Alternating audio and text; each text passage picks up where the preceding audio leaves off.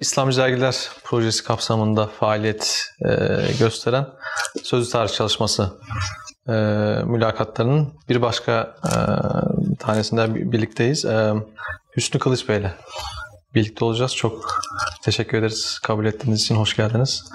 E, şimdi biz 1960-1980 döneminde özellikle e, sizin hayat hikayenizde 1970'ten itibaren yayıncılık tecrübenize odaklanacağız. Fakat öncesinde kısaca bir hayat hikayenizi dinleyebilir miyim? E, tabii memnuniyetle. E, 1959 İstanbul Fatih'te e, doğdum. Fatih Çarşamba'da. Babam e, Hasan Efendi diye halen İsmail Ağa'da e, doğduğum andan itibaren tanıdığım bildiği faaliyeti e, ne iştirak ettiğiniz bir e, çevrede vazifesini sürdürüyor.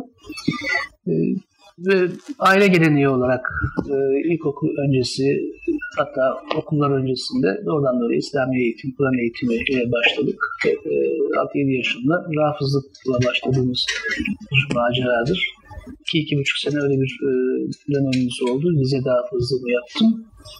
Sonrasında e, yine İslami ilimler e, geleneği içinde e, daha çok da Karadeniz Medresesi müfredatına uygun olarak e, medrese eğitimine başladık. Medrese eğitiminde e, tabii o dönem e, bir pedagojik bir düzenleme, bir formasyon, böyle bir hassasiyet söz konusu olmadığı için e, yaşla orantılı olmayan e, programlar e, uygulanıyordu gayet tabii. Müfredat mesela 12-13 yaşında mantık okuduk. E, kavramamız mümkün değil nihayetinde üniversitede bugün okuduğumuz mantığın kavramsal çerçevesine o zaman aşina olabildik.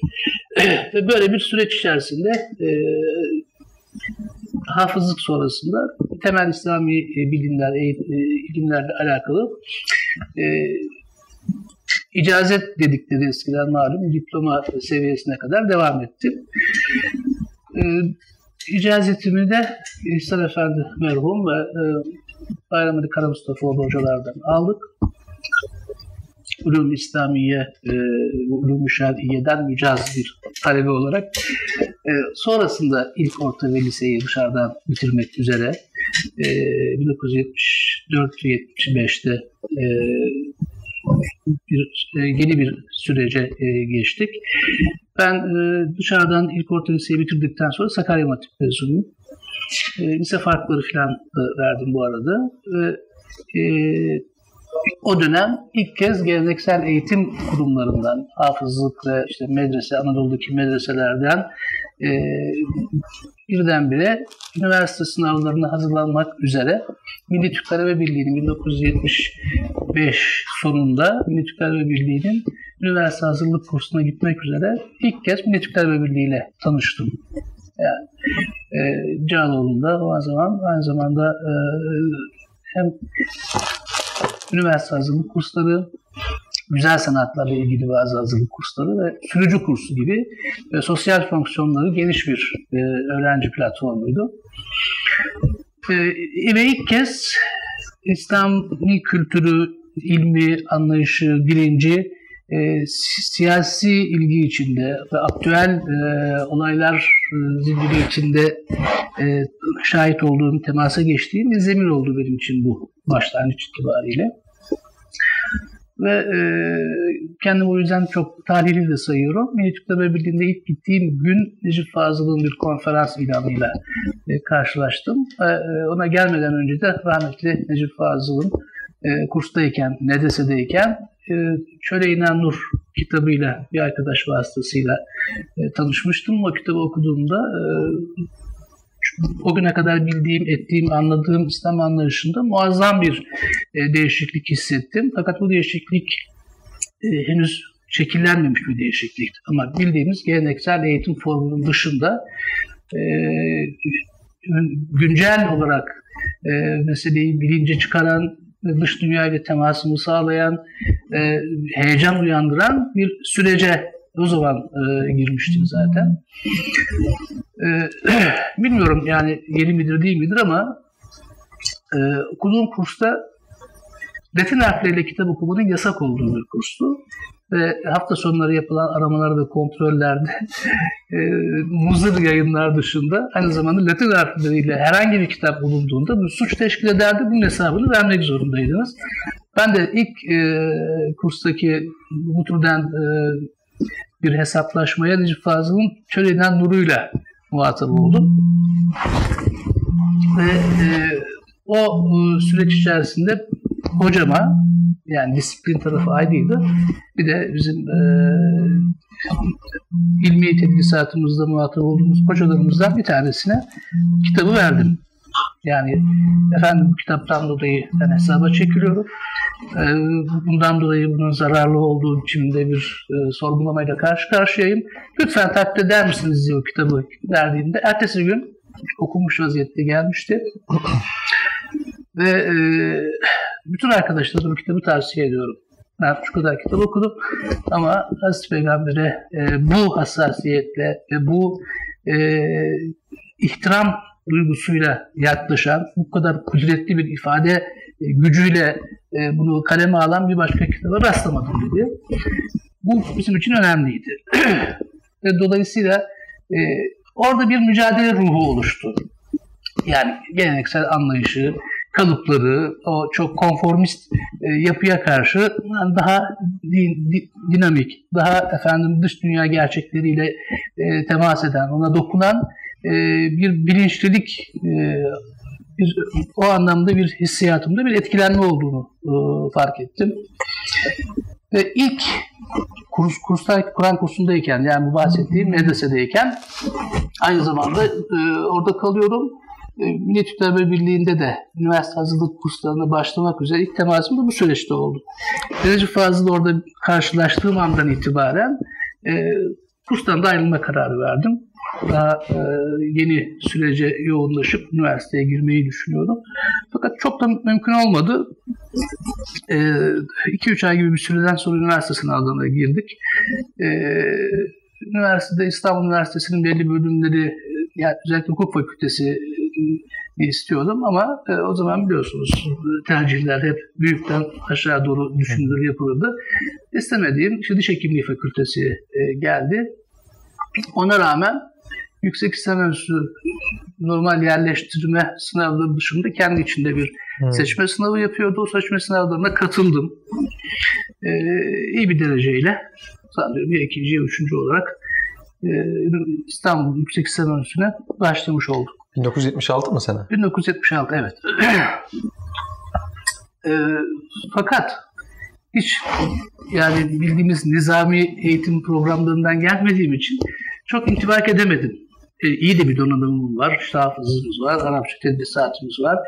E, o dönem içerisinde imam hatiplerin e, formasyonu şimdikinden mutlaka çok daha yüksekti. Bir de e, şimdiki gibi yaşları itibariyle yani e, tam da bulundukları sınıfa e, intibak edecek yaşlardan çok daha ileri yaşlarda vazife almış çoğu evli ve kamu görevi yapan e, Diyanet görevlilerinin devam ettiği okullardı. E, yaş itibariyle de en fazla böyle işte heyecanı ve e, takım maceraya müsait e, kişilerden biriydim. Birinci sınıftan itibaren e, dinamik bir sürecimiz oldu. Ve ilk şeye de yani ilk belki söz konusu edeceğimiz yayın ve dergi macerasında da bu süreçte e, karşılaştım, başlamış oldum. Ben e, şeyi tamamlayayım ondan sonra buraya dönmüş olurum. E, yüksek lisans üstüne devam ederken işte bir takım hadiseler dolayısıyla o zaman devam eden boykotlar, daha doğrusu devam eden değil bizim başlattığımız boykotlar dönemi oldu.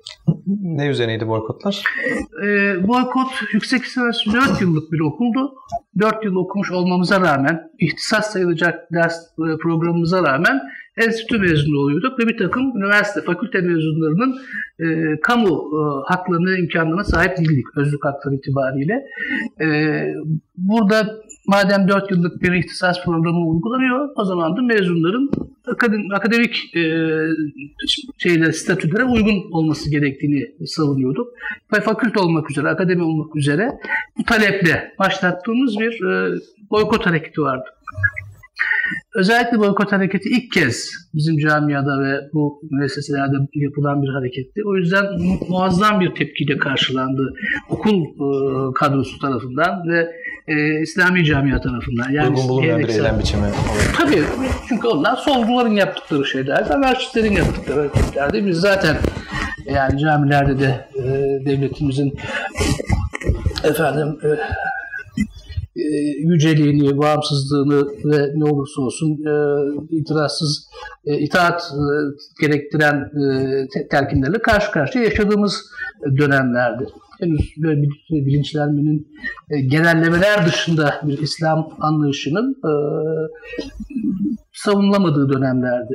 Anlatılamadığı veya kavranamadığı dönemlerdi.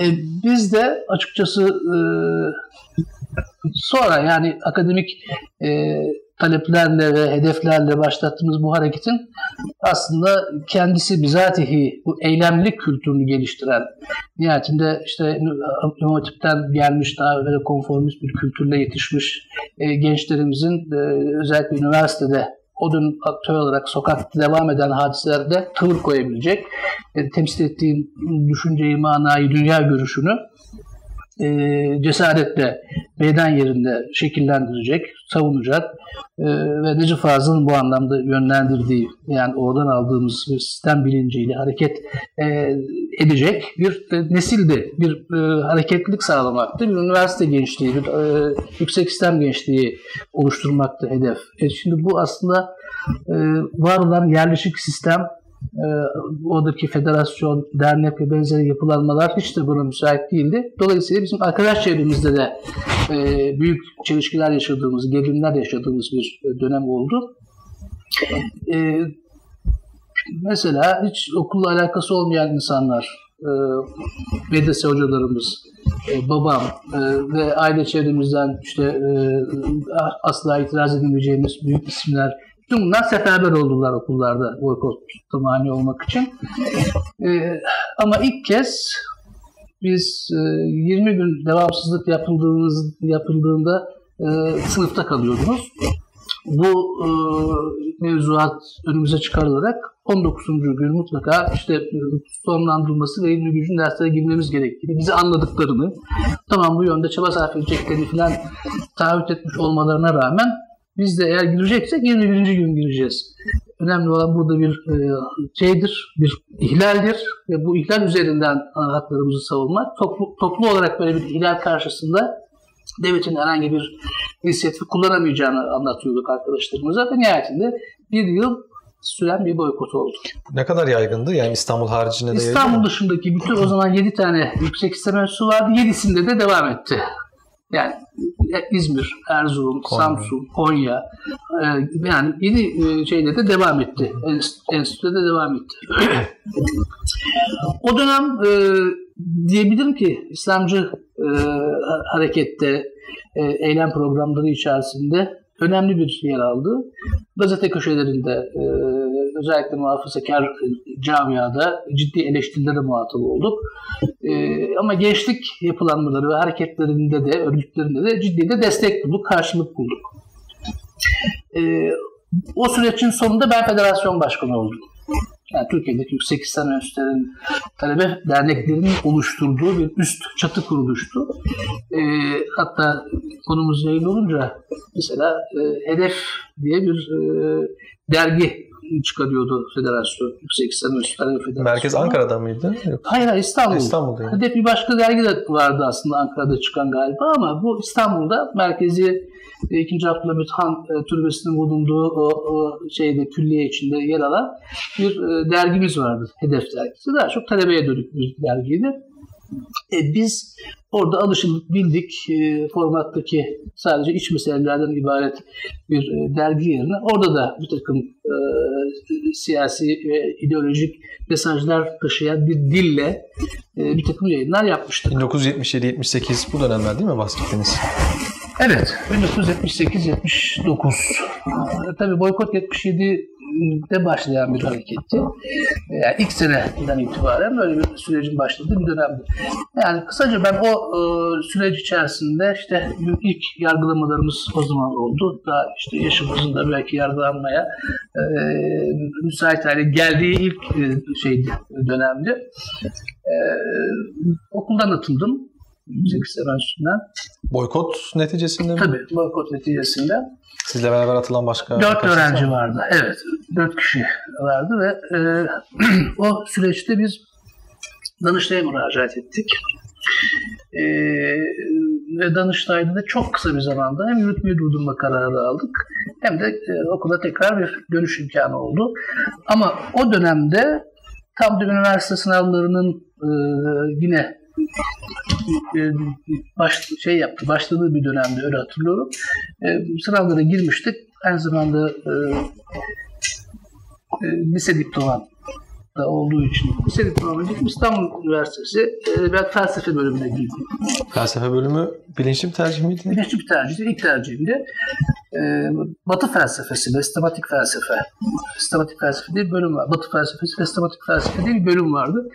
İslam felsefesi vardı. E, bir de felsefe tarihi. Üç bölüm vardı hatırladığım kadarıyla. Hatta ilk gittiğimde beni sistematik felsefede İsmail Tunalı Hoca e, yani bir şey bir, bir diyalogumuz oldu. Diyalogdan sonra e, Nihat Keklik Hoca ile beni tanıştırdı. İslam felsefesinde en azından sertifika, sertifika e, programı olarak e, almamı istemişti. E, ne var ki pek Nihat Keklik Hoca ile çok fazla intibak edemedik. Birinci, ikinci derste minik bazı itirazlarım oldu falan. Ondan sonra ben sanıyorum sanat felsefesi, sanat tarihi sertifikasına yöneldim. Yani Batı felsefesi, sistematik felsefe bölümünden de mezun oldum. Yani Neden tercih etmiştiniz felsefe bölümünü? Ee, neden tercih ettim? Şimdi e, aslında çok kitap okuyan biriydim o dönemde. İlk kez e, belli bir müktesebatım var ama e, bu hani Batı kültürüyle, işte Latin harfli kitaplarla vesairesiyle çok yakın bir zamanda temasa geçtim ve o süre içerisinde e, İslami ilimlerde de özellikle kelamla, mantıkla e, alakam daha fazlaydı. E, ve özellikle de kimi okuduğum kitaplar ve tabii ki Necip Fazıl'ın yine okuduğum eserleri e, üzerinden etkilendim, etkilenmiş olduğumu düşünüyorum. E, düşünce meseleleri, efendim Batı dünyasının e, düşünce e, ufku, süreci, tarihi vesairesiyle alakalı e, orada yani e, önemli bir ihtiyacı karşılayacağını düşündüm. Ve nitekim de hakikaten e, o bölümde benden başka bir kişi e, İmam Hatip mezunu bir kişi vardı. O da hasbelkader orayı e, tercih etmiş biriydi. Hiç o bölümle alakası yoktu. Benim için verimli bir program oldu. Aynı zamanda da yüksek lisans üstünde öğrenci oldum. Tekrar e, döndükten sonra e, Yargıtay'da şey Danıştay'dan, Danıştay'dan tekrar döndükten sonra çok ilginç bir şey anlatayım size. Mesela bu Danıştay'da ki maceramızı takip eden yani boykot dolayısıyla çok ilginçtir. E, Bizim siyasi çevremizde e, bize sahip çıkan, alaka gösterenden çok e, sol çevrelerinde alaka gösterdiği, temas etmeye çalıştığı ve hatta CHP gençlik kollarının birebir davet aldığımız bir dönem oldu o dönem. Çok enteresan. E, İsmet Can Türk diye hatırlıyorum. Sonra bu milletvekili falan oldu. Halk e, Partisi'nin e, kurucu genel başkanlığı oldu falan öyle hatırlıyorum. 12 Eylül'den sonra. E, Ecevit o dönem e, başbakandı. Ecevit'le görüşme imkanı bulduk. E, yani- Boykot vesilesiyle. Evet. Boykot vesilesiyle ve öğrenci şefi olarak e, ve bunu yaparken de yanına bir dönem e, Diyanet İşleri Başkanlığı yapmış Lütfü Doğan hocayı da yani yetkili yetkin bir isim olarak onu da görüşmeye e, dahil edilmesini istemişti.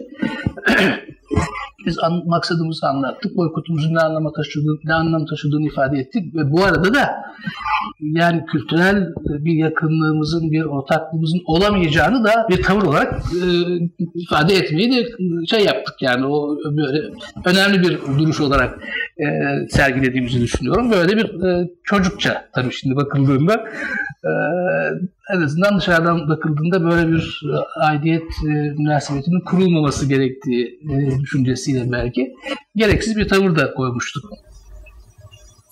Sonra bizzat Ecevit'in görevlendirmesiyle İsmet Çantürk e, hukukçuydu, avukattı. O takip etti. Bir iki gün içinde durdurma kararı aldık ve sonrasında da e, hatta birlikte Danıştay Başkanı bir hanımefendi, ismini hatırlamıyorum ama onu ziyarete de gittik. Yani böyle bir e, şey hatırlıyorum bu dönem içinde yaşadığımız bir e, hatıra. Peki o dönem e, Milli Selamet Partisi de e, vardı yani.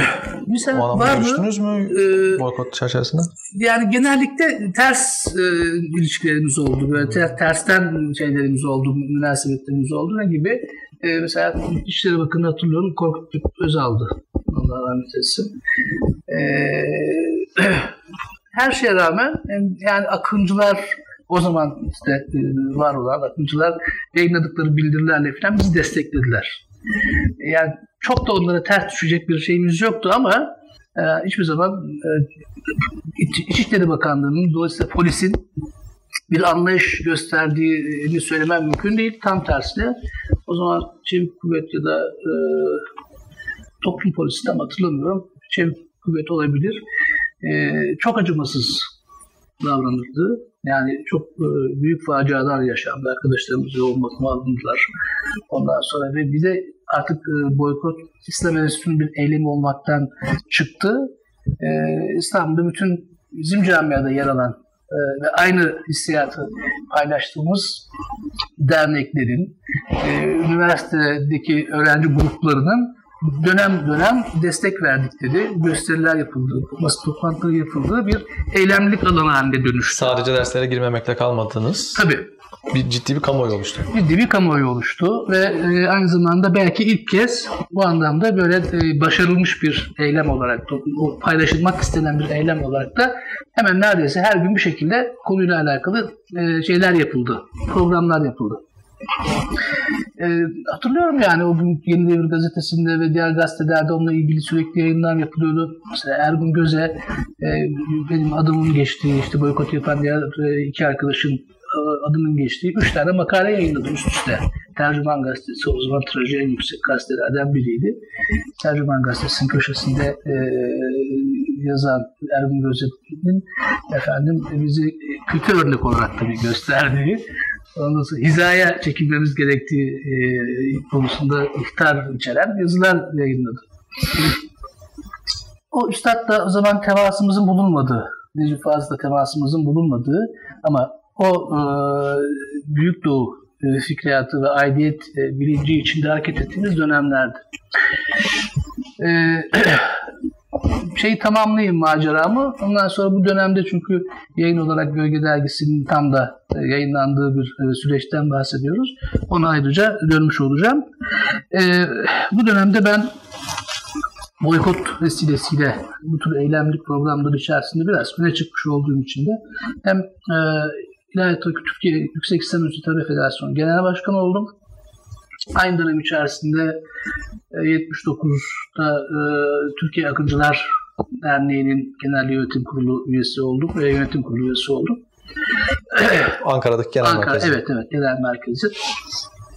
E, Mehmet Güney e, dostumuzun e, genel başkan seçildiği. e, Aynı yönetimdeydiniz. Aynı yönetimdeydik.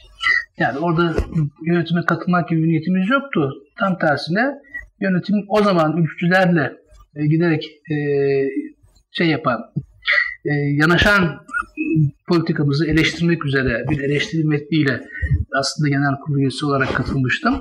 Fakat orada e, yönetim kurulu üyesi olarak o kongreden çıktık. E, o dönem yine bu zannediyorum bu hareketlilik döneminde e, öne çıktığımızdan dolayı önerilmiş bir e, şeydi bu. O dönem içerisinde yönetim kurulu üyesi e, olmamız önerilmişti. 12 Eylül'e kadar bu macera belli e, süreçlerde devam etti. 12 Eylül'de ne var ne yok her şeyin alt üst olduğu bütün e, dikeylerin yatay hale geldiği üstadın ifadesiyle bir e, şey dönemi yaşadık. E, bir inkıta dönemi yaşadık. Orada e, hakkımızda yakalama kararları çıktı. E, o zaman işkencelerin de çok yaygın olduğu, e, sürekli arkadaşlarımızın, çevremizden arkadaşlarımızın her gün e, bir polisiye vakayla karşı karşıya kaldığı dönemler oldu. E, biraz travmatik bir süreç oldu gayet tabii. E, belki dönem dönem e, boşluklar olsa da cezaların kesinleşmesiyle, infaz kararlarıyla vesairesiyle zaman zaman firari olduğumuz, zaman zaman e, normal hayata dönebildiğimiz e, inkıtalarla dolu bir e, süreç oldu. Ne zamana kadar? 1989'un aralığına kadar. 89'un aralığında 140, 142 ve 163'ün rahmetli Özal'ın e, önerisi ve e, çabasıyla kaldırıldığı bir dönemden sonra ki benim mahkumiyetim 163-168'den de e, aşağı yukarı bir 11 dava açılmıştı. Bunun bir kısmı yüksek sistem ölçüsünde öğrenim özgürlüğünü engellemeden işte bir takım darp benzeri işte fiili e, şeylere kadar, iddialara kadar açılan davalarla e, devam eden mahkemelerde bunların bir kısmından mahkum oldum. Toplam 6 mahkumiyetim vardı ama buradan e, infazı kabil cezalar olmaktan çok e, te- teyit edilebilir, paraya dönüştürülebilir cezalardı. Ama işte ilk, ilk kez 163 168'e delaleten e, devletin işte anayasal temelini, kısmen dini e, esaslara e, oturtmak işte gibi bir suçlamayla yargıladığımız Akıncılar davasında aldığımız mahkumiyet vardı. o mahkumiyetin infaz sürecinde e, nispeten firari e, oldum 50 zamanlarda. 79, 89'un aralığından sonra 90'dan itibaren de e, ilk kez e, üniversite mezun olmuş, evlenmiş, belli sorumluluklar olan, hayata atılmış biri olarak nizami ve legal bir faaliyet e, imkanı buldum. O faaliyette de tabii e, sicili güvenlik soruşturmalarında bir iki imtihana girdiğini hatırlıyorum. Örneğin e, Osmanlı arşivlerinin ilk öğren şey aldığı, e, uzman aldığı dönemde e, birinci sırada yer almış olmama rağmen e, kazananlar listesinde güvenlik soruşturmasına tamam yapılmadı. Bunun gibi bir iki hadise yaşadım. Bu arada e, Sakarya'da öğrenciliğimde oldu. Yani o dönem e, belli başlı okullar pilot okullardı. Sizin hakimiyet kurabileceğiniz ya da kültürel etkinliğinizin olabileceği e, okullar belirlenmişti, seçilmişti. Yani seçilmiş derken bunu çoğunlukla da öğrenci e, ve genç e, hareketler dernek faaliyetleri dışında bulunan e, o hareket çevrelerinin belirlediği hedeflerdi bunlar. Bunlardan bir tanesi Sakarya akademisiydi o zaman. Ben o akademide de e, endüstri mühendisliği öğrenciliği yaptım. Üçüncü sınıfa kadar. Yani e, şeye, derslere devam etmedik ama kantine devam ettik. Çünkü kantine hakimiyet e, sağlamak önemliydi. Okulun ya o vesileyle mi gitmiştiniz? Tabii ki. Tabii ki. Çünkü o zaman Gölge Dergisi ve bir iki dergide daha e, bu okulların tercih edilmesiyle, e, orada e, bir güç oluşturulmasıyla alakalı stratejik bir e, planın e, yayınlandığı dönemler yani o, o zaman. Bugün o zaman biz 80 öncesine döndük. Şimdi yani Sakarya 80 öncesinde ama 80 sonrasında da nispeten devam ettiğim bir şeydi. Hı hı. E, nihayetinde belki oraya tekrar döneceğim ama yani 80 sonrasında işte bu şeyle e,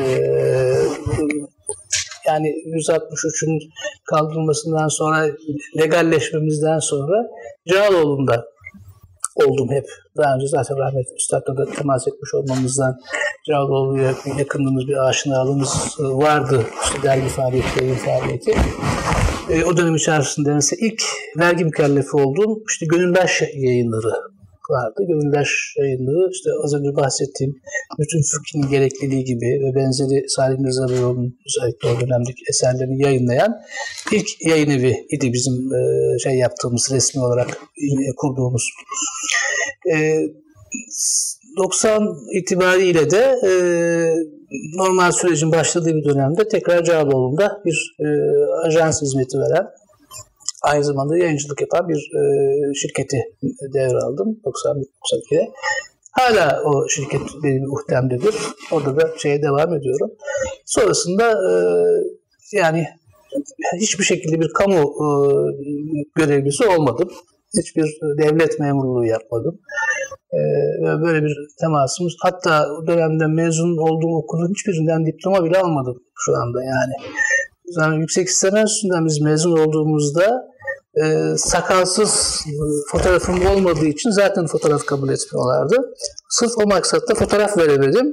Tabii çoktan o öyle bir şey olmadığı dönemlerde de artık gerek duymadım ama yani e, okuldan o zaman mezuniyet belgesi mi veriyorlardı? Geçici Çok Geçici bir şey veriyorlar. Evet onunla hep hareket ettim. E, askerlikte de yani bayağı gecikmeli olarak 95-96'da kısa dönem askerlik yaptım. E, sonrasında muhtelif yayın evleri ve muhtelif faaliyetlerde şu anda biraz prodüksiyon işleri e, yapıyoruz. TRT'ye işte gene e, İslami ilimlerle alakalı işte Köklerin Hikayesi diye bir dizi var. E, Anadolu Medrese hocalarının e, hayat hikayelerini anlattığımız. E, şu anda halen o devam ediyor, yayın olarak da devam ediyor. E, bu tür prodüksiyonlarla meşgul oldum ama hemen hemen her dönem gençlik hareketi içerisinde oldum. E, 90'da, e, 91'in hemen başında işte Bosna'da başlayan o, o dramatik e, sürece karşı Türkiye'de işte kamuoyunun örgütlenmesi ve bir takım kampanyaların yapılmasıyla alakalı kurulan Bosna Dayanışma Grubu'nun kurucularından biriyim. Halen de vakfa dönüştü. Halen Dayanışma Vakfı yani aslında Bosna Dayanışma Vakfı'nın da e, başkanı olarak devam ediyorum o anlamda. E, Kafkaslarla alakalandık, Afrika'daki faaliyetlerle alakalandık.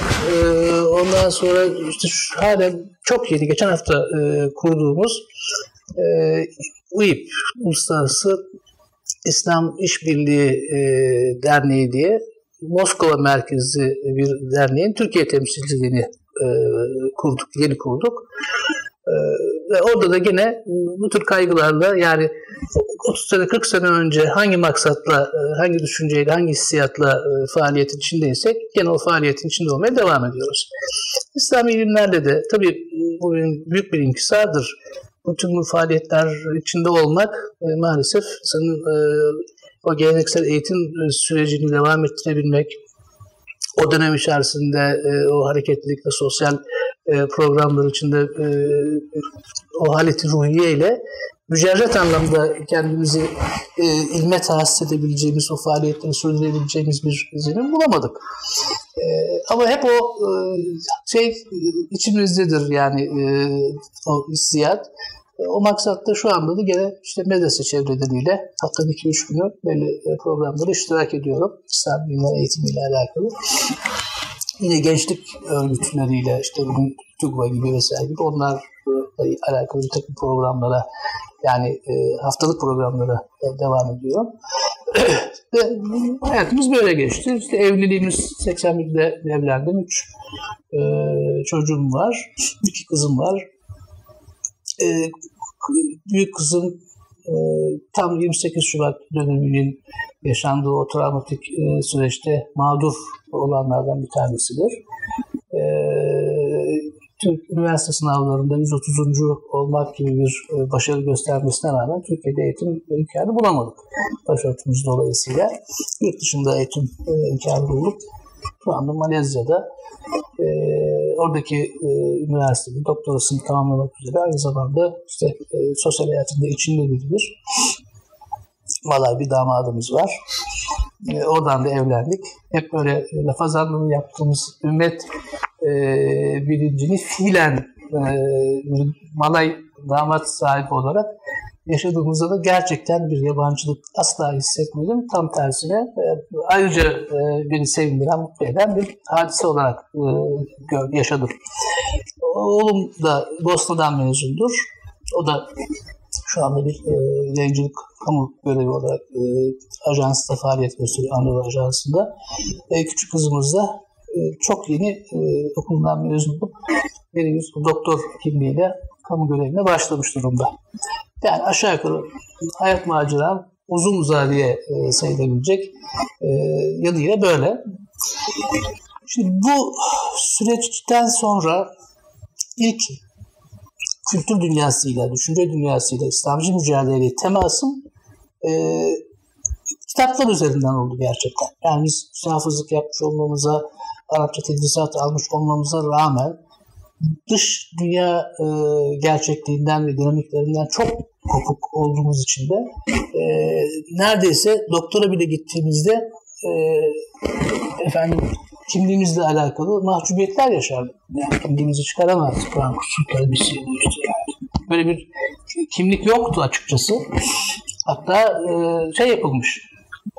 Yani e, lanetlenmiş bir kimlikti bir tarafta bakıldığında. O yüzden bir, bir kompleks içinde olduğumuz gerçekti. Ama ben e, bunu hep buna isyan tavrı içindeydim. Yani öğren e, Kur'an kursunda öğrenci iken bile e, orada işte bir takım yayınlar yapmayı e, düşünürdük. E, şu anda üniversitede birkaç arkadaşım var. E, işte profesör olarak faaliyetini sürdüren falan. O dönemde de böyle birlikte gruplar oluşturup işte bazı şeyler yapardık. E, programlar yapardık. Bu tabii hoş karşılanan programlar değildi. Örneğin işte Latin harfleri kitap okuma meselesi. E, ilk Necip Fazıl kitabıyla başlayan ve sonrasında da nispeten yaygınlaştırdığımız bir eylem sayılabilir. Yani ilk dönem çalışmamız öyle başladı. Sonra üniversiteye intisap ettikten sonra çok seri gelişti ve ben Gölge Dergisi'nin ilk dönem yayınını e, öncesinde e, faaliyetin içinde değildim. E, sanıyorum dördüncü sayısı falandı. Yani yine böyle bir e, toplantıda fazla jübilesi olabilir. Tam hatırlamıyorum ama yani böyle bir toplantıda bir e, büyükçe bir toplantıda bir e, spor sarayı olabilir. Orada e, Gölge Dergisi'yle karşılaştım. Ve ilk kez yani büyük ölçüde beni etkileyen, daha önce başka dergiler falan ama bana cazip gelen şeyler değillerdi. Çok genellemelerle ifade eden, çok bildik, alışıldık, kaba e, üsluplar ve sloganlardan ibaret dergilerdi çoğunlukla o dönem. Ama gölgede daha tabiri caizse bir modern, daha bilinçli, daha seçkin bir dil, üslup, hedef, daha e, beni içimden, ruhumdan yakalayan bir şey vardı. E, insanımızın ve inancımızın kavgası, alt başlık. Kavga yani tam bizim o gün ruhumuzda esen o fırtınalara denk gelen bir karşılıktı. E, insanımız ve inancımız olunca da meşruiyetini zaten oradan alan bir kavgadan bahsediyordu. E, ve gerçekten ben onu çok e, şeyle tutkuyla e, okurdum, beklerdim dergiyi. Sonra işte bir gün çıka gittim şeye derginin merkezine Cağaloğlu'nda. Evet, birinci sınıfta öğrenci olduğum zaman, ilk üniversite teması olduğum zaman ee, ve o dergiye gittiğim andan sonraki süreçte çıkan dergide kendimi sorumlu kişilerden biri olarak gördüm. Yani öyle bir şey başladı. Ve o günden itibaren de içtimasımızı kesmedik. Sonra bir takım şeyler, e, görevler aldım e, dergide. Aynı zamanda da belki yüksek İslam üstündeki bahsettiğim hareketlilik, bahsettiğim o e, eylemlilik içinde dergilik temasının da e, bir tesir olduğunu düşünüyorum. O zaman Gölge Dergisi sadece alelade bir dergi değildi, alelade bir yayın evi değildi.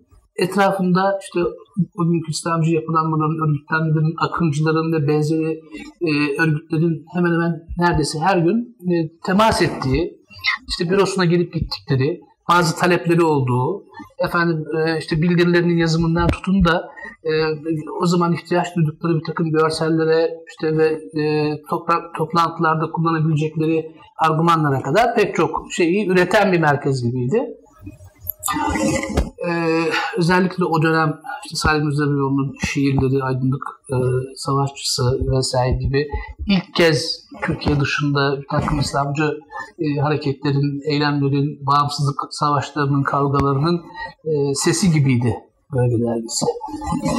Gölge aslında hani aslı vardı gölgenin. Yani aslı zaten bizim idealize ettiğimiz e, hayat tablomuzdu. E, tamamen bir toplumsal bir proje olarak gerçekleştireceğimiz ve e, yaşayacağımız bir İslami e, hayatı hedef alan, e, onun gölgesi olma iddiasını taşıyan bir e, anlamı da vardı.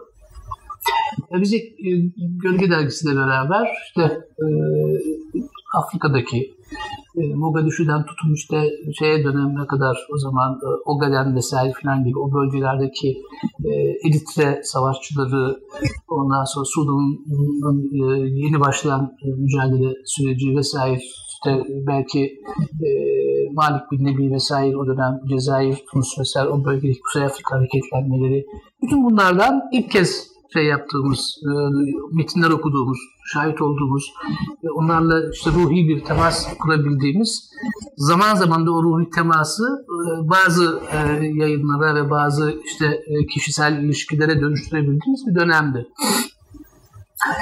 Özellikle Filipinler, Moro, e, önemli bir şeydi bizim için dönem dönem onların mücadele dönemi e, en aktif olduğu e, 70'li yılların yani ikinci yarısında o bir sembol bizim için. E, işte bağımsızlık mücadelesi İslam anlayışının siyasi mesajını içeren e, bir bağımsız kimlik ve irade ortaya koyabilecek e, dünya sistemine karşı devrimci mesajlar içeren hareketlerdi. E, tabii bir İran e, mücadelesi, İran devrimi vardı ki o müthiş bir şeydi. E, özellikle Marksist Leninist hareketin Türkiye'de kendilerinden başka bir devrimci güç tanımamaları ve 20. E, yüzyılda e, hele hele İslam'ın asla bir e, devrimci bir nitelik taşıyacak, e, mesaj içerecek ve bir dünyaya e, modern insana e, sunacağı bir e, toplumsal görüşün, dünya görüşünün e, asla düşünemeyeceği bir e, dönemde birdenbire bütün dünyaya bir İran devrimi e, gerçekleşiyor. Ve siz inanılmaz muazzam bir referans noktası buluyorsunuz kendinize. Özgüven de sağlıyor. Müthiş bir özgüven sağlıyor şüphesiz. Ama orada sorun e, aramızdaki temel e, dünya görüşü itibariyle yaşadığımız bir farklılıktı. Yani sonuçta mesajlarında itibak etmediğimiz ve bizim e, bütüncü anlayışımıza aykırı düşen e, bir takım hususi e, şeyleri de var e, siyaseten. E, farklılıkları da var orada bir tereddüt yaşadığımızı söylemeliyim. Yani camiye olarak bir tereddüt yaşadığımızı söylemeliyim. Biz o tereddütü hiç yaşamadık. Çünkü bilgici fazlalığımız vardı ve Üstad'ın e, İran hareketiyle alakalı 79'un yani 79 Şubat'taydı zannediyorum devrim e, gerçekleştiği dönem. E, hemen o dönemde yazdığı çerçeveler o zaman e, bir gazetenin e, işte bir sayfasında makaleleri yayınlanıyordu. Kıymet hükmünü İslami hamle gücüne bağlı, bağlamak suretiyle sonuna kadar evet onların hani henüz ne olduğunu bilmediğimiz ama e, tercihleri itibariyle muhteva itibariyle sonuna kadar hayır diye yazdığı bir makale bizim için önemliydi. Hatta ben bu minvalde devrim kutlamaları 80'in e, Şubat'ında zannediyorum e, İran konsolosluğunda devrim kutlamaları yapılırdı. O kutlamalardan ve kutlamalara iştirak etmiştim. Hani yani 70-80 kişinin içeri, içeri alındığı Ali Bulatçı'nın da e, konuşmacı olarak iştirak ettiği, benim de e, konuşmacı olduğum bir şeyde bir toplantıda ben üstadım bu e, şeyine, kıymet hükmüne atıfta bulunarak o minvalde bir mesaj yayınladım. Bir mesaj e, vardı konuşmamın içinde. Mehdi Pur Allah, Allah selamet versin yaşıyor mu yaşamıyor mu bilmiyorum. O zaman İran'ın Türkiye'deki temsilci mollası oydu Mehdi Pur. E, o böyle kulağıma e, eğildi yani bütün bu süreç içerisinde farklı bir tepki, farklı bir tavır olarak e, onu gösterdiğimde e, yani sanki e, davete icabet etmeme rağmen davetin ruhunu zedelediğim ya da davetin ruhuna aykırı hareket ettiğim e, ve bunun pek şey, şey olmadığı, çok tasdik görmeyeceği biçiminde bir şey fısıldadı kulağıma sonrasında. E, böyle bir şey de hatırlıyorum ki zaten o şey yani toplantı işte, kuşatılmıştı. Sanıyorum biz daha önce erken çıktık yani bu konuşmadan sonra biz çıktık. Ardından da e, bir şey yapıldı, bir operasyon yapıldı. Orada toplantı 300 kişi falan civarında bir şey vardı. 50-60 kişi tam hatırlamıyorum ama bir kısım kişi gözaltına aldılar filan. Bunu şunun için söylüyorum. 79 yılında, 78 yılında e, İran'daki devrim hareketinin e, oradaki o eylemliliğin bize de karşılığı vardı. Yani işte yürüyüşler olurdu gece e, afişlemeler, programlar, yazılar, yazılar vesaireler. Yani oradaki devrimi savunan, müdafaa eden işte halkların dayanışmasını vesairesini filan. Şimdi burada e, bir şeyden de bahsedebiliyorum. Yani e, iki farklı dil vardı aslında karşımızda. İslamcı dergiler bakımından da bu çok önemli.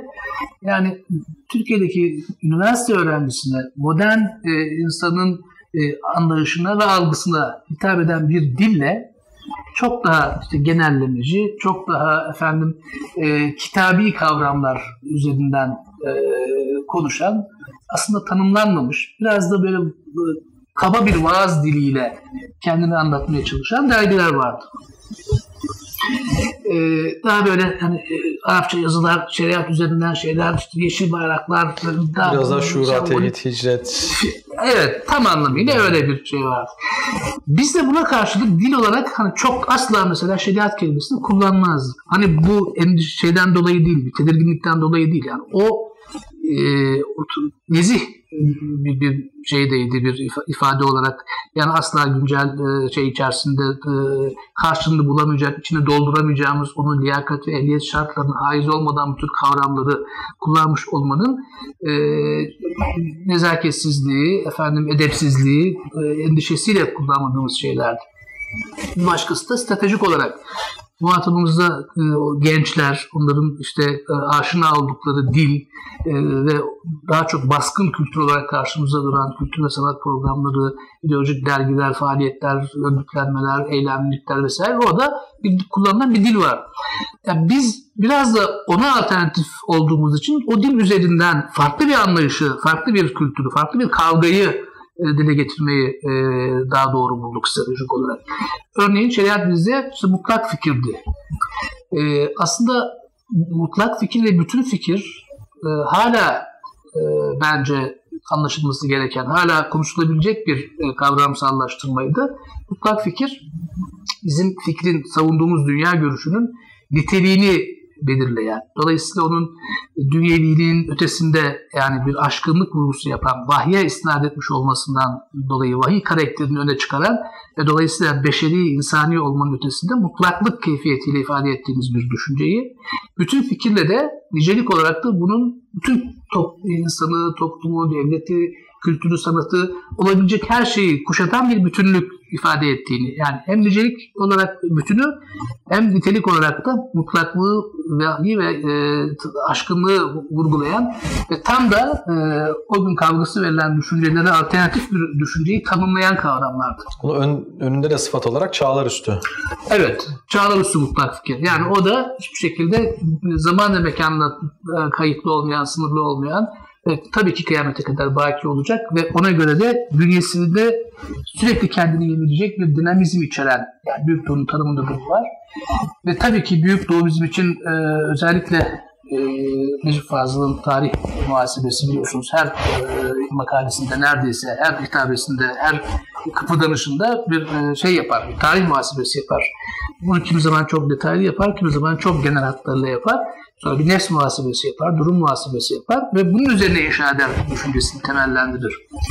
Büyük Doğu da aslında özellikle Cumhuriyet sonrası tamamen e, Batı'ya teslim olmuş, Batı'nın her ne kadar Kurtuluş Savaşı'yla efendim bir toprak üstü e, bir e, bağımsızlık kazanmış olsanız da e, kültürel muhteva, e, ruhi muhteva, e, kültürel e, başarı büyük ölçüde batıya, batıya teslim olmaktan ibaretti. Onun duygu dünyasını, düşünce dünyasını, dilini, kültürünü vesairesini tamamen ikame eden bir şeyden bahsediyoruz. Bir dönemden, bir rejimden bahsediyoruz. Ve dolayısıyla her şeyin batı e, değerleri üzerinden idealize edildiği, e, tanımlandığı e, bir dönemde Büyük Doğu, Doğu düşüncesini, Doğu dünyasını, Doğu kültürünü ikame eden, Batı karşısında bir alternatifi dile getiren, aynı zamanda büyük diyerek o aşağılık kompleksine karşı o özgüven hissini e, telkin eden bir e, şeydir, bir dünya görüşünün ismidir. E, bu bizim için bütün dergilerin, kitapların, ondan sonraki yapılanmaların, faaliyetlerin nihayetinde benim içinde bulunduğum 8 sene önce boykotluk hareketleri, akıncılar vesaire gibi o süreç içerisinde bile giderek bu noktada bir ayrışmaya yol açan temel referans noktasıydı.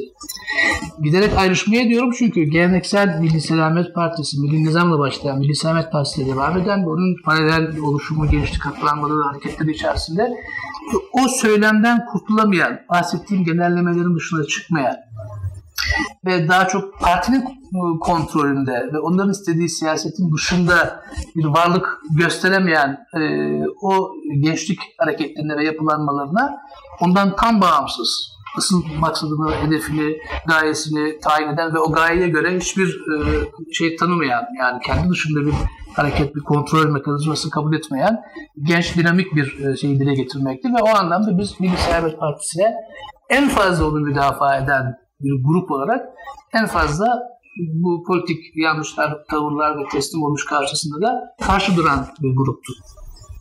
En fazla savunan diyorum çünkü bizim dünya görüşümüzün ve e, hatta gölgenin de e, temel esprisi şuydu. Biz hiçbir zaman olayların dışında ve siyasetin dışında olmayı marifet saymadık. Bunun bir aslında bilinçsizlik olduğunu düşündük. Yani eğer sizin bir hesaplaşmanız varsa dünyayla, günümüz insanıyla, üniversitesiyle, toplumsal e, sistemle, mekanizmalarla doğal olarak politik davranmak, politik olmak zorundaydınız. Dolayısıyla biz politikleşmeyi tabii ki bu politiği kendi e, e, referanslarımız üzerinden tanımlayarak e, hani o zaman da siyaset denirdi, politika denmezdi, siyaset meşru olurdu, politika meşru olmazdı. Böyle yapay ayrımlara gerek yok. Yani politik, yani sizin ona verdiğiniz anlam önemli, onun ruhu önemli. Biz o politikleşmeyi, politik bir dil kullanmayı bu siyasi bilincin, dolayısıyla ideolojik bilincin esası sayardık. Yani partiye gönderme yapmayan, parti liderliğine, parti liderliği siyasi bir liderlik aslında sol kültüründe temelinde zaten parti e, şeyi var, referansı var. Yani TKP o günkü diyelim ki e, üniversite girişindeki yapılanmalarda daha çok hakim şey TKP e, yanlarıydı. İGD ve İKD İlerici Genç yani İlerici Kadınlar Derneği TKP'nin üniversitedeki öğrenci kollarıydı. E, ve siyasi bilinç bu anlamda ideolojik hareketin temel şeyidir. E, hedef itibariyle de, motivasyon itibariyle de temel referansıdır. Biz bu bağlamda e, yani siyasi liderliği önemsiyorduk. Siyasi liderliğe sürekli vurgu yapardık ve mutlaka e, bir sloganın altına biz mezhep imzası atardık. E, akıncılar ya da gençlik örgütleri işte politize olmayalım, altına parti imzası atmayalım demiş olmayı da bir bilinçsizlik sayardık. Ona tepki olarak atardık. Yani çok da mezhepeli olduğumuz için değil başlangıç itibariyle. Fakat sonra e, mutlaka rahmetli hocanın bu siyasi gelenek içerisinde hareketin e, siyasi mücadele alana taşınmasında ve o alanda bir gelenek oluşmasındaki payı çok yüksek.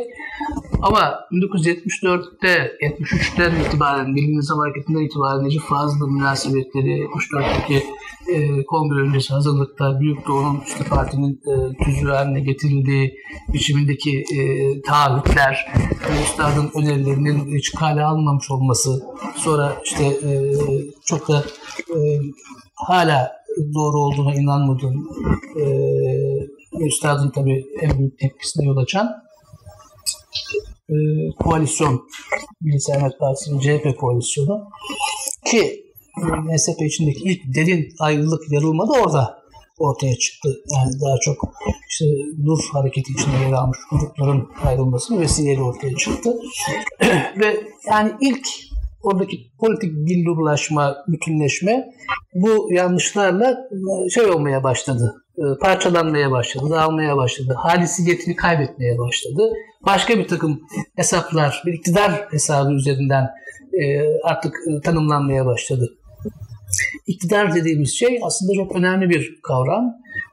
Bizim de o dönemde ilk yani 70 yani şey Gölge Dergisi'nde yer alan önemli ikinci dönem gençlik e, Gölge Dergisi'nde yer Yeni alan Gölge evet. sayı çıkıyor 78. Evet, evet. İlk şey iktidar siyaset eylem başlıklı yazıdır.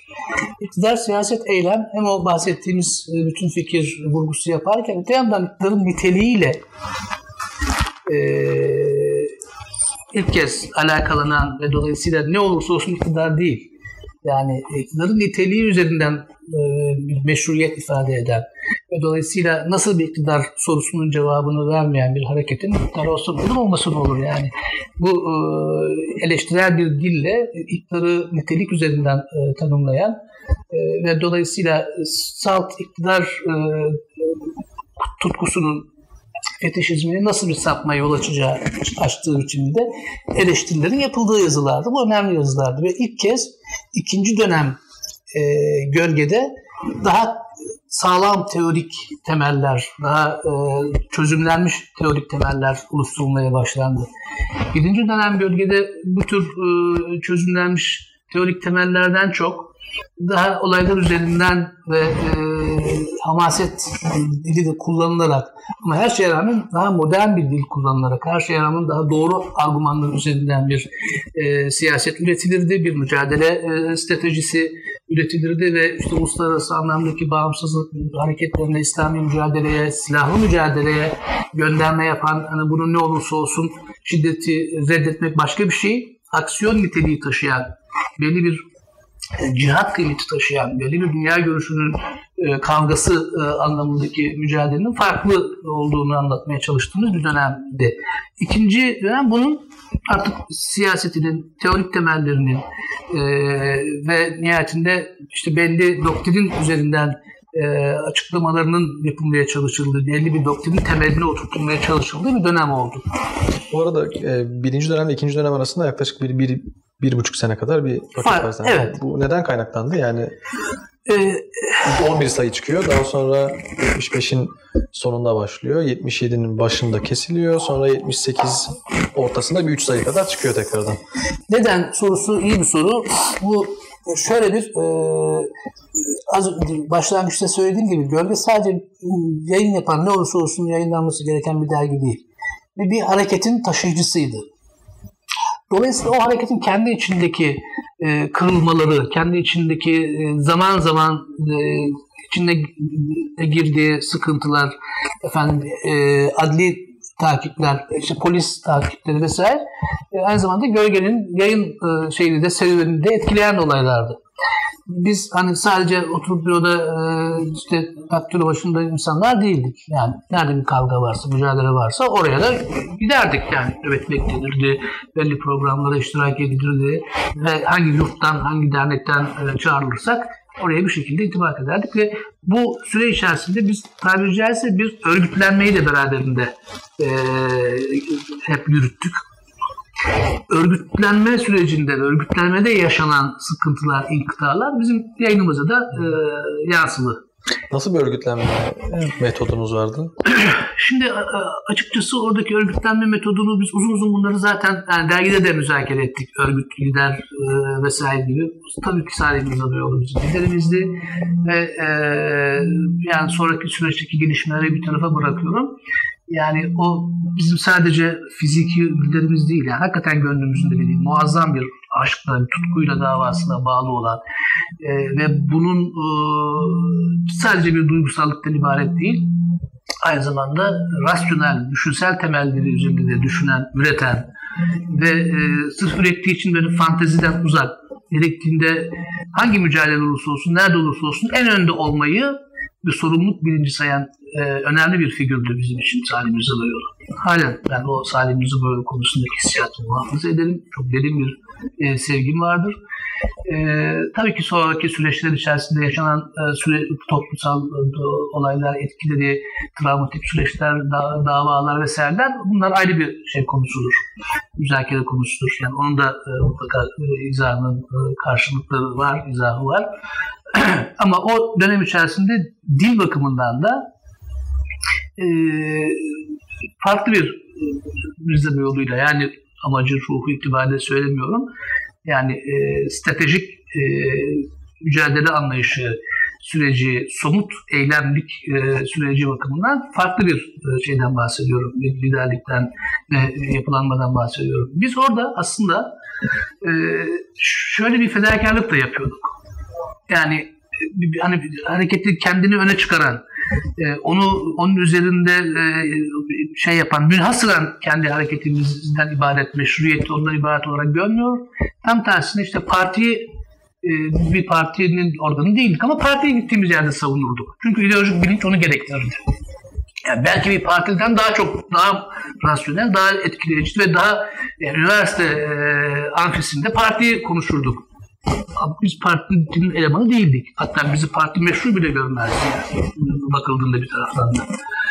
Ee, ama hani siyasi bilinç onu yükselten bir şeydi. Arkanızda böyle bir siyasi gücü almak. Yani toplumsal örgütlenmede, yapılanmada parlamentoda ve halkta karşılığı olan bir e, başarı öyküsüdür yani bakıldığında. Onu paylaşmak isterdiniz gayet tabii. Yani mücadelenizin e, bir şeyi olarak, başarı e, tablosu olarak. E, ama biz bunun yanında legal, yasa ile sınırlanmış e, bir örgüt içinde var olmayı da e, kendi potansiyelimiz ve esnetimiz bakımından da şey sayardık. Yani bir, bir eksiklik görürdük. O yüzden hani bir, şöyle bir fedakar sanki e, eğer bir tehlike varsa bu tehlikeyi paratoner gibi biz üstümüze çekelim. Burada da hareket yani legal faaliyetinde yapılanmasında devam etsin. Yani e, onun için hiçbir şeyden çekinmemiştik. Bu anlamda o dönem içerisinde çok fazla e, hiçbir düşünsel yeterliliği olmayan, hiçbir doğru düzgün referans olmayan, yani kaba saba bahsettiğim şeyler üzerinden, sloganlar üzerinden bir e, şey anlayış, bir mücadele anlayışı e, üreten, onun etrafında oluşmuş e, tamamen kabasal, kaba duygusal hareketlerden ibaret. Yapılanmalar, gençlik hareketleri, kontrolsüz hiçbir e, şeye bir, nasıl söyleyelim böyle bir e, dünya görüşüne e, bir stratejiye e, bir taktik anlayışına sahip olmayan spontan şeyler vardı. Yani e, neredeyse her okulun kendine ait örgütleri, yapıları ya da işte insan aklına gelen herhangi bir e, sloganın altına herhangi bir e, örgüt, hayali örgüt ismi yazılırdı ki bu tabii işin ciddiyetten uzak ve e, hareketi şey yapan, e, sulandıran, e, ondan sonra işte karşılığı olmayan ve herkesin her şeyi savunabileceği, herkesin her şeye karşı çıkabileceği başıbozuk bir tablo oluşturuyordu. Bu başıbozuk tablodan aslında biz akıncıları sorumlu tutuyorduk. Yani merkezi örgütlenmeyi, merkezi gençlik yapılanmasını çok ciddi eleştirilerimize rağmen biz bütün e, şeylerimizde, sloganlarımızda, yazılarımızda buradaki genç öznenin akıncı olduğunu savunuyorduk. Yani e, ideal gencin. Dolayısıyla hatta sonrasında iddiaya dönüşen, e, evrilen başlangıçtaki e, Akıncı ismi orada da yer alır aslında. Akıncı isminin kökeni nereye Aslında Akıncı ismi e, yani e, yani şeyinden kavramından çalışılarak e, kalkarak öncü bir mücadele adamını dile getiriyordu Akıncı. Genç olması gerekiyordu Akıncı'nın. ilk defa Büyük Doğu Fikriyatı çerçevesinde mi dile getirilen bir kavramdı yoksa? Büyük Doğu içinde yok aslında. Yani e, Büyük Doğu'nun biraz da pratik tarafını ve gençlik mücadelesi yapılanması, kavgasını teşkil eden e,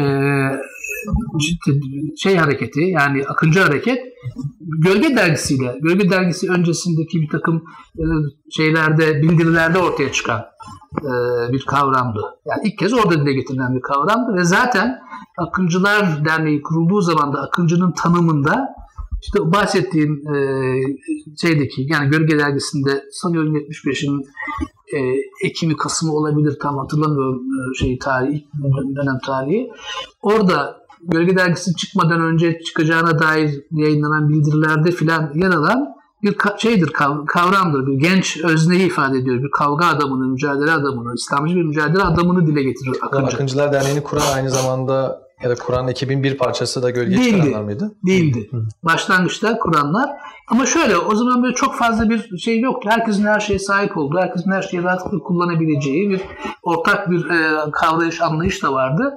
E, fakat giderek o zaten e, farklılaşmaya başladı. Yani Akıncı'nın ilk kurulduğu dönemde e, bildiriler genel İslami mesajlar taşıyan daha çok işte siz de çok iyi bilirsiniz 1950-60'lı yıllarda Arap dünyasından e, tercüme edilmiş eserlerin ufkumuzu oluşturduğu, söylemimizi oluşturduğu yani e, daha işte program, sistematik, stratejik anlayıştan uzak, e, pek de dünya e, doğru bir temas sağlayamamış. E, işte geleneksel e, o vaaz e, dili anlayışı üzerinden genel bir İslam e, şeyiydi, söylemiydi, İslami bir söylemdi. Yani yaklaşmamış bir ifadeydi ve özellikle bizim mücadele alanındaki e, öğrenci e, şey profiline çok da hitap etmeyen, çok da onu e, yakalayamayan bir e, dildi. Daha böyle işte e, cami cemaatine, e, orta e, yaş grubuna, jenerasyonuna hitap eden hatta biraz ortanın da geç, geçkin olanına hitap eden bir dilimiz vardı. Yani kitaplarımız, kitap kapakları, sunum vesaire filan hepsi e, yani genci bütün zaafları içinde yakalayabilecek ideolojik bir ortam, dil, kültür, malzeme, faaliyet, etkinlik alanındaki sola göre çok şeydik. Yani pasiftik, zayıftık, cazibemiz yoktu filan. Yani biz mesela cazibe merkezi kavramı bizim için önemliydi. Gencin e, yani ifadesiyle, meydan yerinde duruşuyla, mücadelesiyle, diliyle, kültürüyle, kültürel sanata olan alakasıyla filan yani aynı zamanda bir cazibe merkezi olması e, iddiasını öne çıkarıyorduk ki bu da gene Necip Fazıl'ın özlediğimiz neslin vasıflarında özellikle Anadolu insanına kazandıracağı o ben bilincinin ısrarla e, vurguladığı önemli bir şeydi, bir meseleydi. E, hala yani Necip Fazıl'ın böyle egosunun büyük olduğu iddiası tam bir saçmalıktır. E, o aslında bütün bir Anadolu gencini, İslamcı genci, mücadele gencini temsil makamında ben diyen bir adamdı. Hatta izin verirsiniz böyle e, buna karşı e, bu eleştirilere karşı verdiği cevapta Ümmet-i Muhammed'in en hakir ferdinin mevkiini göstermek bakımından ben diyorum dendi. Şimdi bu çok önemli bir şey. Yani bu adamın böyle bir hissiyat içerisinde olmadığı belli yaşadığı hayat sefil bir hayattır. Yani şöyle maddi kaygıları olmayan, günübirlik yaşayan e, ve nihayetinde Abdülhakim Arvasi şeyhim dediği zatın karşısında da tam bir mahviyet duygusuyla hareket ettiğini gözlemlediğimiz, şahit olduğumuz bir insandan bahsediyoruz. Şöyle e, dünya alakası yani e, tutkusu olmamış birinden bahsediyoruz. Yani dolayısıyla onun ben değişinin anlamı muazzam bir benlik heykeli oluşturmuş sola karşı her şeyi bloke etmiş, her şeyi kendi nisabında gören bir sola karşı e, temsil ettiği davanın e, haklılığını, kutsiyetini, yüceliğini, muazzam e, tablosunu e, temsil ediyordu Necip Fazıl. Ve bu bizim için ihtiyaç duyduğumuz bir şeydi. Yani o, o, o benliği paylaşmış olmak önemli. Yani bugün ben bilincin ne demek olduğunu çok daha iyi anlıyoruz gayet tabii. E biz bunu üst bir dil kullanarak bir şeyde e, gölgede hep bunu yapmaya çalıştık. Yani hiçbir zaman biz böyle daha mütevazi bir dil falan öyle bir şey kullanmadık. Çünkü tevazu dönemi değildi. Yani dolayısıyla e, kullandığımız dil kendinden emin, doğruluğundan emin, işte duruşu sağlam, e, gence özgüven telkin eden, haklılık telkin eden e, ve biz aslında ne olursa olsun bir eylem birliği bile sırf bu bağlamda müdafaa eder bir şeyimiz vardı, bir e, sistemimiz vardı. Tabii ki fikri önemseyerek yani fik, aksiyonun tanımında zaten e, bir fikre istinaden gerçekleşen bir eylemlik olarak tanımlıyorduk ama ona rağmen hani meydan yerinde bir hareket içerisinde gördüğümüz genci o yürekliliğinden dolayı e, hani meşruiyeti tartışılır da olsa, kaynağı tartışılır da olsa e, eksikliğini ifade ederek, vurgulayarak e, savunurduk. Yani mesela hiçbir zaman biz olayların dışında olmak gibi bir kavramı kullanmadık. Bu e, partinin ve gençlik akıncılarda da aynı şey vardı. Siz zaten meydan yerinde olabilecek bir kimlik sahibi değilsiniz, bir güç sahibi değilsiniz. Böyle bir potansiyele, böyle bir efendim e, var oluş gerçekliğine sahip değilsiniz. E biz olayları işte şey girmiyor. Girersek şöyle yaparız, böyle yaparız. Böyle bir hadise yok. Girersen bir şey yapamazsın. Nitekim öyle bir şey olmadı. Yani o dönem olayların dışında kalmak aslında siyasetin dışında kalmak. Aslında e, ideolojik kavganın dışında kalmak. Kendi varoluş kavgasının dışında kalmak anlamına geliyor idi. Ha, maalesef ki hakim düşünce okulda, sokakta neredeyse kendi insanını üretiyordu bulunduğu alanda. Hatta o kadar ki herhangi bir fakültede hangi fraksiyon e, hakimse o fraksiyonun sempatizanları, mensupları, militanları yetişirdi. Böyle bakıldığında mesela diyelim ki Yıldız Teknik Üniversitesi İslamcıların daha çok e, şey yaptığı yani mezun olduğu İslamcı e, mücadele gençlerinin yetiştiği bir yerdi. Çünkü orada hakim olan onlardı. Ne bileyim Sakarya böyleydi. O yüzden işte belli başlı üniversiteleri, fakülteleri e, orada e, çoğunluk te- tesis etmek, temin etmek, orada ideolojik bir hakimiyet kurmak üzere stratejik olarak e, şey yapardık, e, belirlerdik ve bunu yayınlardık. Tercihinizi bu istikamette yapın diye. Çünkü örneğin gidip de İTÜ'de başka fakültesine girdiğiniz zaman orada var olma şansınız yoktu. Yani çok silik hatta silik olarak bile devam etme imkanınız yoktu. Sokmuyorlardı çünkü. Ya da işte benim devam ettiğim sistematik felsefede benden başka kimse yoktu. ve Ben de sürekli zaten böyle şey e, okula e, tehditler altında gitmek zorunda kalan biriydim ama ben hani aynı zamanda diyalog da kuran birisiydim. Yani benim soldan sağa kadar pek çok çevreyle diyalogum çok iyiydi. E, Hatta felsefede e, lisansüstü şeyde e, programa iştirak etmiştim. Mülakatta tabii e, yani maalesef sonuç alamadım. Çok ilginç bir şey söyleyeceğim. Daha sonra siyaseten de parlamentoya girmiş bir hanımefendi, o zaman orada profesördü, hocaydı. Bana çok açık, net biçimde bir başka soldan bir e, şey bir hanımefendinin adını vererek biz onu alacağız. Yani evet sizin yetkinliğinizi biliyoruz ifade de bu. Sizin yetkinliğinizi biliyoruz. Ee, ama siz yetkinliğinizi bir felsefe öğrencisine yakışmayacak e, bir biçimde şey yapıyorsunuz, e, kullanıyorsunuz. Onun için biz filan alacağız diye bunu açıkça söylemişti yani. Tercihlerin böyle yapıldığı bir e, dönemdi. Yani dolayısıyla biz gücün, mücadelenin, taraftarlığın tayin edildiği, belirlediği bir süreçte yani olaylara girmemiş olmak, felsefe dışında kalmış olmak, var olmak anlamına gelmiyor. Akıncılar maalesef böyle bir çıkmazdan dolayı biz Akıncı Güç e, dergisi ve ayrımı bir zaruret haline gelmişti ve dolayısıyla buradan ortaya çıkan bir şeydi.